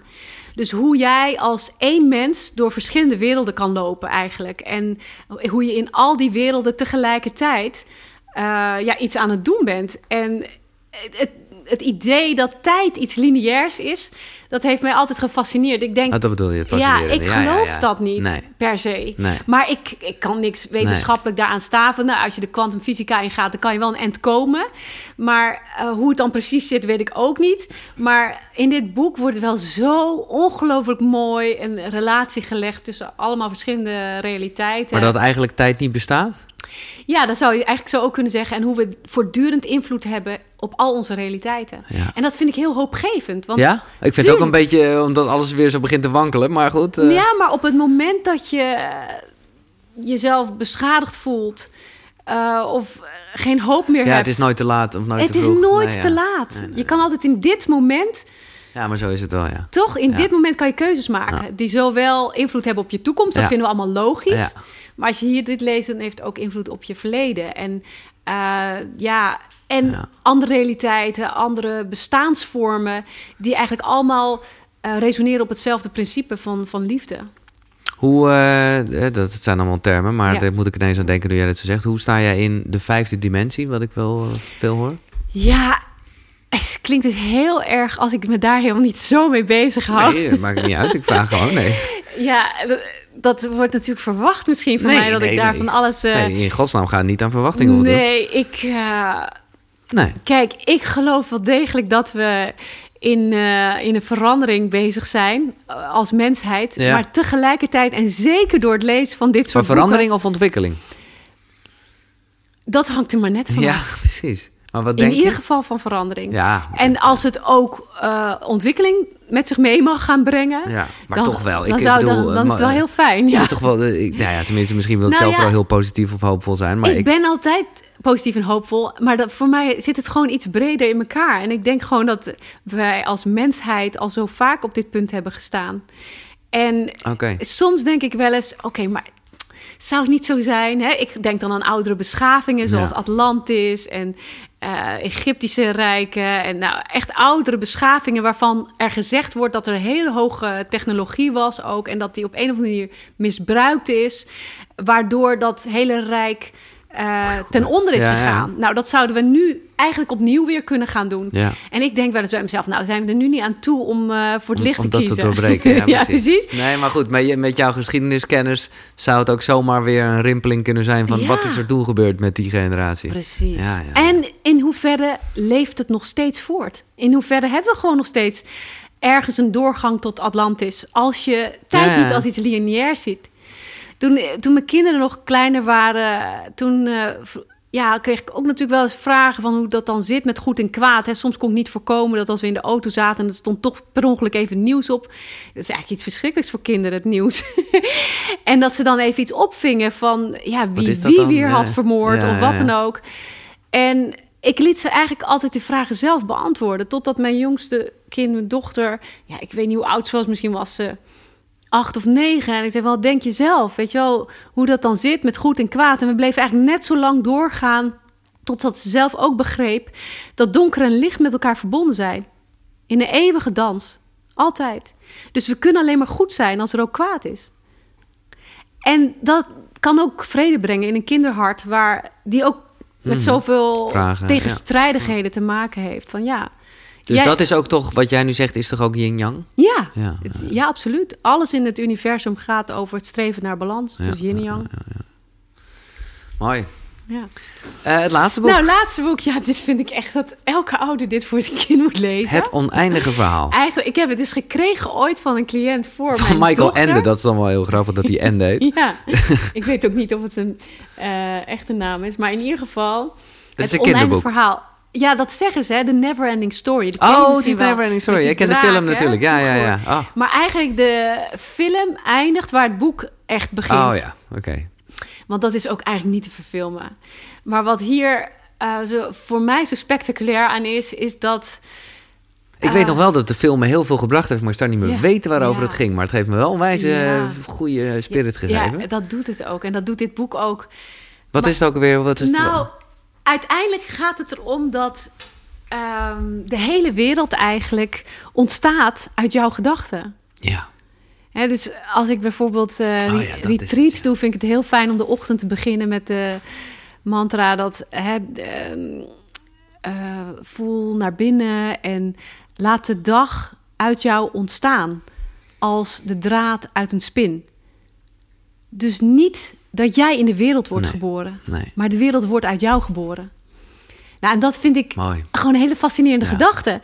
En ik heb me eigenlijk, ik heb het, nou misschien niet eens echt geprobeerd, misschien heb ik het opgegeven bij natuurkunde scheikunde, dat weet ik niet. Maar ik hou me gewoon minder bezig met de vraag of ik alles wetenschappelijk kan ondersteunen. Nee, dat is ook- ik vind het fijner om te spelen in mijn hoofd met Ja. een gedachte die mij inspireert. En dit vind ik een hele inspirerende gedachte, dat, eh, ja, dat ik de creatie. Oh, sorry, ik onderbreek eventjes eh, dit fijne gesprek. Maar dat is vanwege iets dat met boeken te maken heeft. En ja, ik hou van boeken. Ik hou van verhalen. Van lezen, maar ook van luisteren. Voor als je onderweg bent of gewoon, eh nou ja, weet ik veel wat aan het doen bent. En ik heb nu iets stof met de vrienden van Next Story. Daar vind je echt op die site, jongen, 300.000 boeken. Dus ook zeker de boeken die net besproken zijn. En ik mag je nu, en dat is echt wel een toffe actie, 50 dagen gratis aanbieden. Ja, die gasten die geloven gewoon wel eh, in zichzelf. Dus die denken, oké, dan hebben we ze. Maar dat kan je echt even checken. Eh, ga naar koekeroe.nl slash boekenkast. Daar vind je sowieso alle boeken die besproken zijn eh, nou in de afgelopen afleveringen. En daar vind je dus ook een link. En via die link kan je 50 dagen gratis Next Story gebruiken. Check het. koekeroe.nl slash boekenkast. creator ben. En soms neemt dat, ja, soms kan ik daar ook een beetje psychedelisch van worden. en dan doe ik eh, mijn man aan in de auto en dan zeg ik: Ja, ben je nou echt? Heb jij ook nog een gedachtenwereld je- van ja, jezelf? ja. Of ben je echt alleen maar ontstaan uit mijn gedachtenwereld? Ja, maar oké, ik ben blij dat je het even zegt. Want dan kom je bij iets, en ik heb het er ook veel over, maar ik wil er ook een beetje van wegblijven. Het non-dualisme. Ja, Eh, nou ja, wat is jouw associatie daarmee? Daar heb ik namelijk een beetje dit mee. Want dat is heel erg van ja. Ik geloof wel dat alles één is. Ik bedoel, dat, Ja. dat, dat geloof ik heel erg zelfs. Ja. En, eh, maar dat heeft veel meer met energie te maken. Maar ik heb wel de indruk dat, het dat je nog steeds daar invloed op hebt. En, en Zeker. natuurlijk eh, heeft dat. Ja, ja. ik geloof dat, ja, als je dat bedoelt met non-dualisme, Ja, dat, is alles de vraag, één hoor. is. Dus- Hè? Het zijn allemaal van die bulktermen. Ja. Iedereen doet daar iets leuks ja, mee. dat is maar ja, mooi gezegd. Ja. Als Ja. ik er iets over zou zeggen, dan gaat het voor mij nog steeds over dat er in de hele kosmos altijd een beweging zal zijn tussen yin en yang. ja. In de mens, in het groot, in het klein, in alles. En eh, dat we helemaal niet hoeven te streven naar dat dat ophoudt. Nee. Want door die beweging ontstaat er ontwikkeling. ja. Dus er, er moet ook ergens iets pijn doen. Hè? Er moet iets pijn doen om te gaan bewegen. Uit, uit pijn ontstaat een verlangen. Uit dat verlangen ga je iets ontwikkelen. Als alles te vlotjes loopt en alles van een leien dakje afgaat, dat doet de meeste mensen geen goed. Nee. Maar eh, dit zeg jij, ik bedoel, jij bent ook niet heilig. Wat zijn jouw eh, pijnpunten of jouw... Want jij lijkt echt, en vind ik heel mooi... en ik denk alleen maar, oh wauw, die kan echt goed de gevoel benoemen... en misschien ook zelf wel voelen, maar... Ja. Hoe, wat, wat zijn jouw zwakke plekken als ik vraag mag? Ja, je mag alles vragen mij. Ik ga ook echt eerlijk antwoord geven. Ik moet echt heel veel goed voelen op je. Als het over mijn zwakke plekken gaat, dan moeten we misschien naar mijn man kijken. Ik weet niet. Nou, eh, wat... Nou, oké, Marcelino, en kom er maar bij. Marcelino, zeg Kom er jij maar maar. bij. Kom er maar bij. Wees gewoon eerlijk. Oh, hij durft niet. Je zit hier in een, in een hoekje. wat is nou mijn, echt mijn... eh, wat moet er nog eh, beter worden? Je moet wel echt even... eh, je- maar ja, jullie... Ja, gewoon echt daarin. ja. Oh, je mag nou iets- mag iets lelijks zeggen over mij. Oh. Nee, ik kan niet iets lelijks zeggen. Haar Nee, zwakke iets meer plek, bukken, sorry. Ja. haar zwakke plek is, is, is, is meer dat ze ehm, meer wil geven eigenlijk dan van haar gevraagd wordt. Hmm. Ja. Dus, dus eh, ja, die doet pijn als je dat zegt. Ja, maar ja, daar hebben we het wel eens over gehad, weet je. Ja. Van, eh, van, van, weet je, dat, dat wij wel mensen kunnen helpen. Of mensen willen helpen. Maar wat ik altijd zeg van, ik kan, wat ik kan doen is mijn hand uitstrekken om te helpen. Maar je moet het zelf pakken. En bij, bij Tonya gaat ze nog net een stapje verder.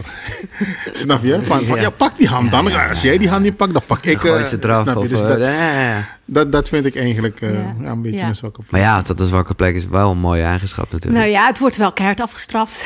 ja, soms je wordt wel... wel, Ja, ja. ja, ja. Keihard Kreet afgestraft, ja. ja. Dat, eh, en, maar goed, dat is ook een les. Ik wil hem ook heel graag leren. Ik wil dat ook heel graag Mhm. onder de knie krijgen. Nee, oké, maar dat is toch ook lekker om Ja. gewoon ergens mee bezig te zijn. Ja, Ja. ja. precies.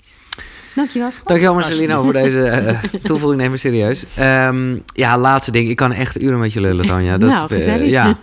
Ik wil nog één ding eventjes eh, aanstippen. Omdat ik dat echt mooi vind. Hoe jij eh, een verschil maakt tussen intuïtie en gevoel. Ja, En dit vind ik essentieel eh, in, eh, nou ja, Ja. ook voor mezelf. ja. Nou ja, leg maar. Nou, heel veel mensen eh, komen natuurlijk in de praktijk omdat ze ehm, niet gelukkig zijn, of niet tevreden over iets. Ja. En mijn werk bestaat er uit het grootste gedeelte uit om mensen weer te verbinden met hun gevoel. Want daar zitten hun eigen antwoorden. Ik heb nooit antwoorden voor iemand. Weet je, als iemand bij mij in de praktijk komt, all bets are off. Ik weet het niet. Als jij aan mij vraagt, nou, waar denk jij dat ik last heb? Dat deed ik misschien toen ik 18 was. Ging dat nog allemaal eh, op een of andere manier inspannen. doe ik allemaal niet meer. Jij weet het zelf. Ik ga jou helpen om daar te zijn, om het zelf te benoemen. Maar dan moet jij wel bij je gevoel kunnen komen. Ja. En als ik dat wel eens uitleg bij mensen, of ze kunnen daar gewoon geen antwoord op geven, wat dan ook zegt, ja, maar ik doe alles mijn hele leven op gevoel. En daarom ben ik zo succesvol. En nou, je, ik neem al mijn beslissingen die belangrijk zijn met mijn gevoel. Dus waar, hoezo kom jij nou aan met dat ik meer vanuit mijn gevoel moet doen? En nou, dan leg ik ze dus uit dat ze een hele sterke intuïtie hebben. Een ontzettend sterke intuïtie. Sommige mensen zijn gewoon intuïtief geboren, zou je kunnen zeggen. Die hebben dat al goed ontwikkeld, misschien uit vorige levens. Maar die weten feilloos, je zou bijna kunnen zeggen, oorzaak en gevolg goed te plaatsen. En door hun ervaring eh, weten ze hoe iets uit gaat pakken. Maar dat is iets anders dan gevoel. Want eh, eigenlijk is intuïtie ontdaan van emotie. ja. Daar herken je het aan. Dat is gewoon een oer iets. En je weet gewoon, ik ja, doe dit. Het, het is bijna iets instinctiefs, weet je wel? Eh, bijna dat het vogeltje weet wanneer die naar het zuiden moet gaan trekken. Weet je wel, wanneer de ochtend komt. Het heeft niemand hem verteld, Nee.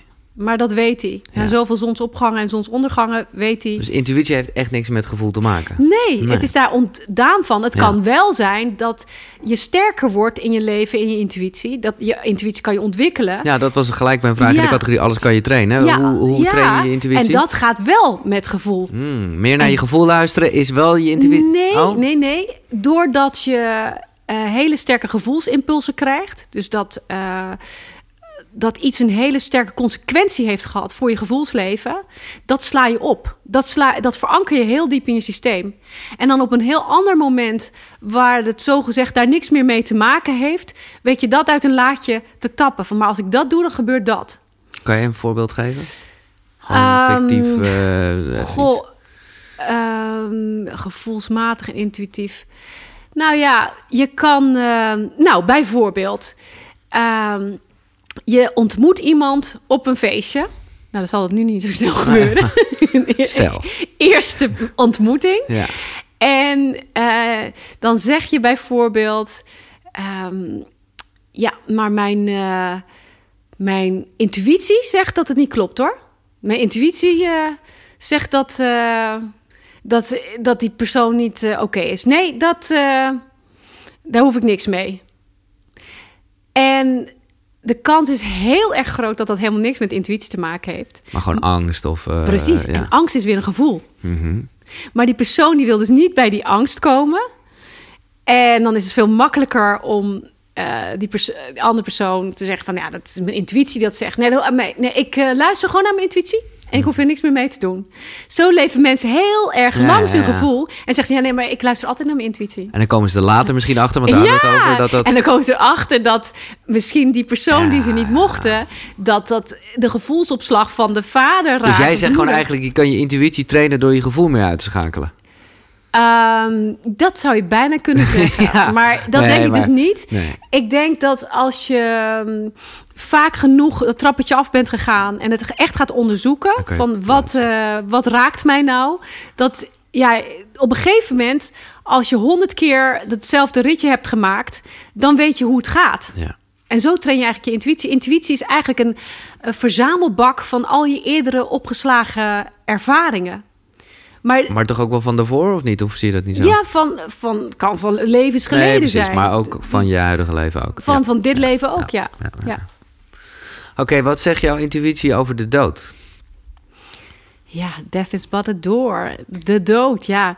That is but a door. Ja, het is, Ja. is gewoon een deur. Ja, nee, ja, voor mooi. mij wel. Ja, ik ja, heb afgelopen jaar eh, wel een groot verlies gehad. Aan de ene kant, moet ik dat zeggen, van eh, mijn lievelingsoom. Die is overleden.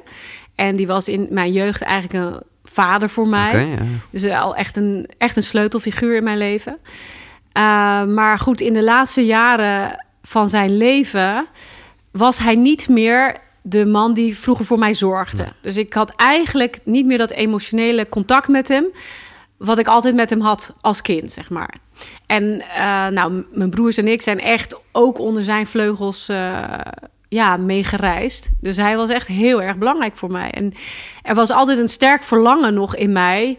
als het dan gaat over wat Marcelino net zei... Ja. om hem nog te helen en om te helpen. Dat... Maar misschien zat daar ook nog wel het verlangen onder... eh, vanuit de pijn van ik ben je kwijt, weet je wel. Ik, ik kan niet meer connecten met je. En um, nu is hij overleden...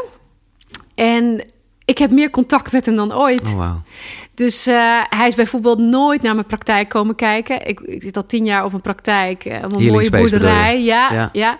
Dus uh, we hebben een behandelgedeelte en een opleidingsgedeelte, maar een behandelgedeelte waar ik dus mijn praktijk hou. Daar zit ik al tien jaar. En um, hij is nooit komen kijken.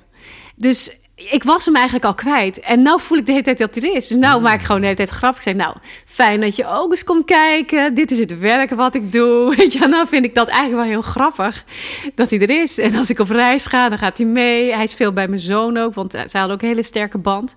En die woont nou heel ver weg en die kon niet voor zijn begrafenis komen, want die zit in Hawaii. Dus dat was echt ook wel heel ding, pijnlijk. Ja, ja, begrijp ik. Maar, maar hoe zie ja. je dat even technisch voor je? Ik weet dat je het niet, uh, je hoeft het niet wetenschappelijk te benaderen, nee. kan ook niet trouwens. Maar hoe, hoe moet ik het zien? Nou, um, ik geloof dat er in je lichaam een lichtlichaam aanwezig is. Dus, vol, dus als in je mijn vlees ja, als je, nou, als je de contouren van je lichaam volgt ja. aan de binnenkant, dan zit daar licht.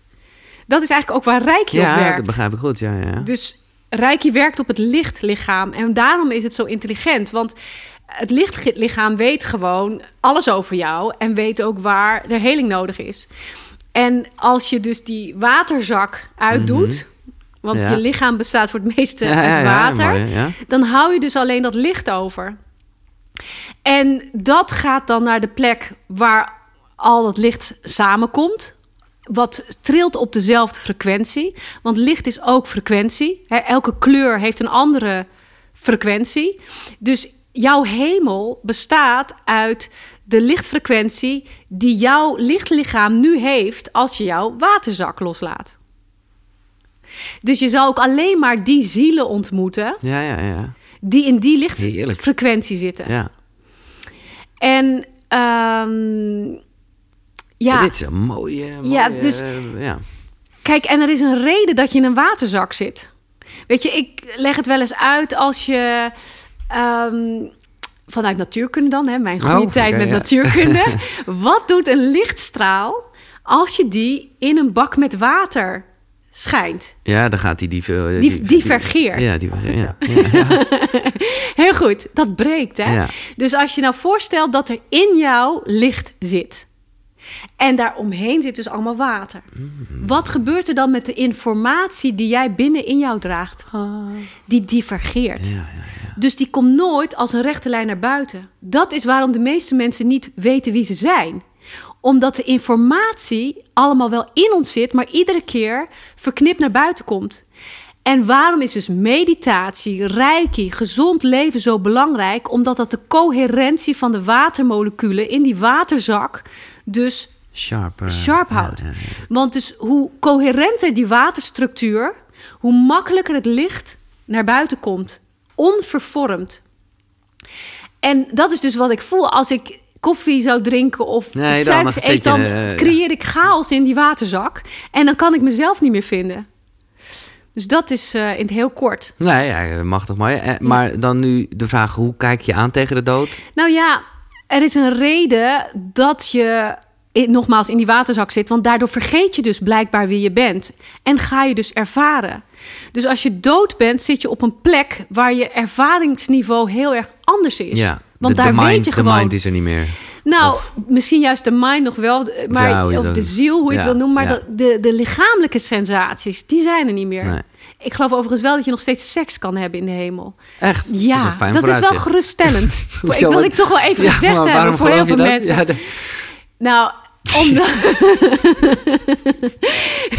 dus, eh, omdat dat uiteindelijk ook een vervloeiing is van lichtlichamen. ja, precies, op die manier. Dus als je in dit Ja. leven al oefent in tantrisch... Ik wil net zeggen, er komt, er komt geen orgasme eh, bij kijken.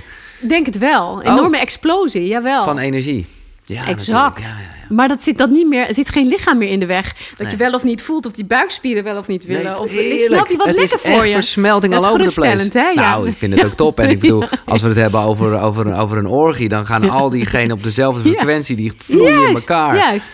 Ja, dat is precies. echt top. Ja, ja. Nou, een prettig Dus dat is de hemel. En ik denk dus, als je dood bent, wat wij dan dood noemen, Ja. dan ben je dus op die plek Ja. waar je je ziel gewoon een keuze maakt of je wil een poosje uitrusten van het Maar heb leven. je er wat niet gewoon zin in dan? Als je dit zo zegt, dan denk ik bijna, nou ja, oké. Nou, ik heb hier echt nog wel wat te doen. Ja, Zo voel ik dat ook Wat wel heb je echt. te doen? Nou, eh, ja, mijzelf ervaren. Hmm. Dat vooral in, eh, in dat wat ik mag brengen op deze aarde. En voor mij is dat wel... Ik wil heel graag bijdragen aan een stuk vreugde eh, voor mensen en heling. Ja. En ja, nou, eigenlijk zeg je het al een beetje. Ja. Maar hoe wil je herinnerd worden dan? Ik hoop als een blij mens die ook, die ook blijheid eh, en Maar vreugde hoezo, gebracht hoezo heeft. straalt daar dan ineens een onwijze onzekerheid aan? Terwijl je hier echt zit te shinen. ja, nee, ja. Ja. Je kan van alles roepen, maar ik denk dat dat het belangrijkste Ja, is. nee, ik een van de moeilijkste dingen is gewoon een vreugdevol wezen te zijn. En dat, eh, ja, dat vind ik wel een oefening. Ja, nou ja, Ja. het lijkt alsof je er heel bedreven in bent. eh, Maar eh, Ja, ik ben zeker een dankbaar en gelukkig wezen, ja. dankjewel Ja. Tona. Komt er een nieuw boek uit? Want dit is best wel een oud boek. Ja, ja dankjewel. Ja, hij, komt, hij is net in Engels verschenen en nu ben ik klaar ervoor om een, voor mijn volgende boek te gaan schrijven. En waar gaat het over? Dat zal veel meer praktisch zijn. Ik zou, ik zou eigenlijk nog wel een guide willen schrijven voor eh, relatietherapeuten. Oké, Want wel zijn- relaties Ja, want er zijn. Ja, heel veel ik. mensen die dan vragen... hoe moet dat nou? Of kunnen we bij jou in therapie? Ja, maar ik heb maar twee handen. Dus ik Ja. zou heel graag andere relatietherapeuten... Hoe hou je het spannend? ook willen Eh, helpen ja, ja. met deze dynamiek. Ja. Oké dan. Nou, we kunnen niet wachten en ik ga je zeker dan weer uitnodigen. En ik bedoel, onze eerste minuten van dit gesprek... eh, nou ja, ik ben blij dat ik er een beetje aan geroken heb... maar ik zou eh, graag nog een keer een echte Nou, kom lekker voor een sessie. Ja, precies. Dat lijkt me echt top. Eh, dankjewel voor je tijd. Eh, jij ook bedankt. Ontzettend bedankt voor het luisteren. Eh, dit was uh, Koekeroe voor deze keer. Ik hoop dat je het leuk vond. Als je meer wil, dan ga je naar de website natuurlijk. Dat is www.koekeroe.nl Ja, dat is K-U-K-U-R-U.nl En daar vind je heel veel meer informatie. Bedankt voor het luisteren. Zonnegroet. Hoi.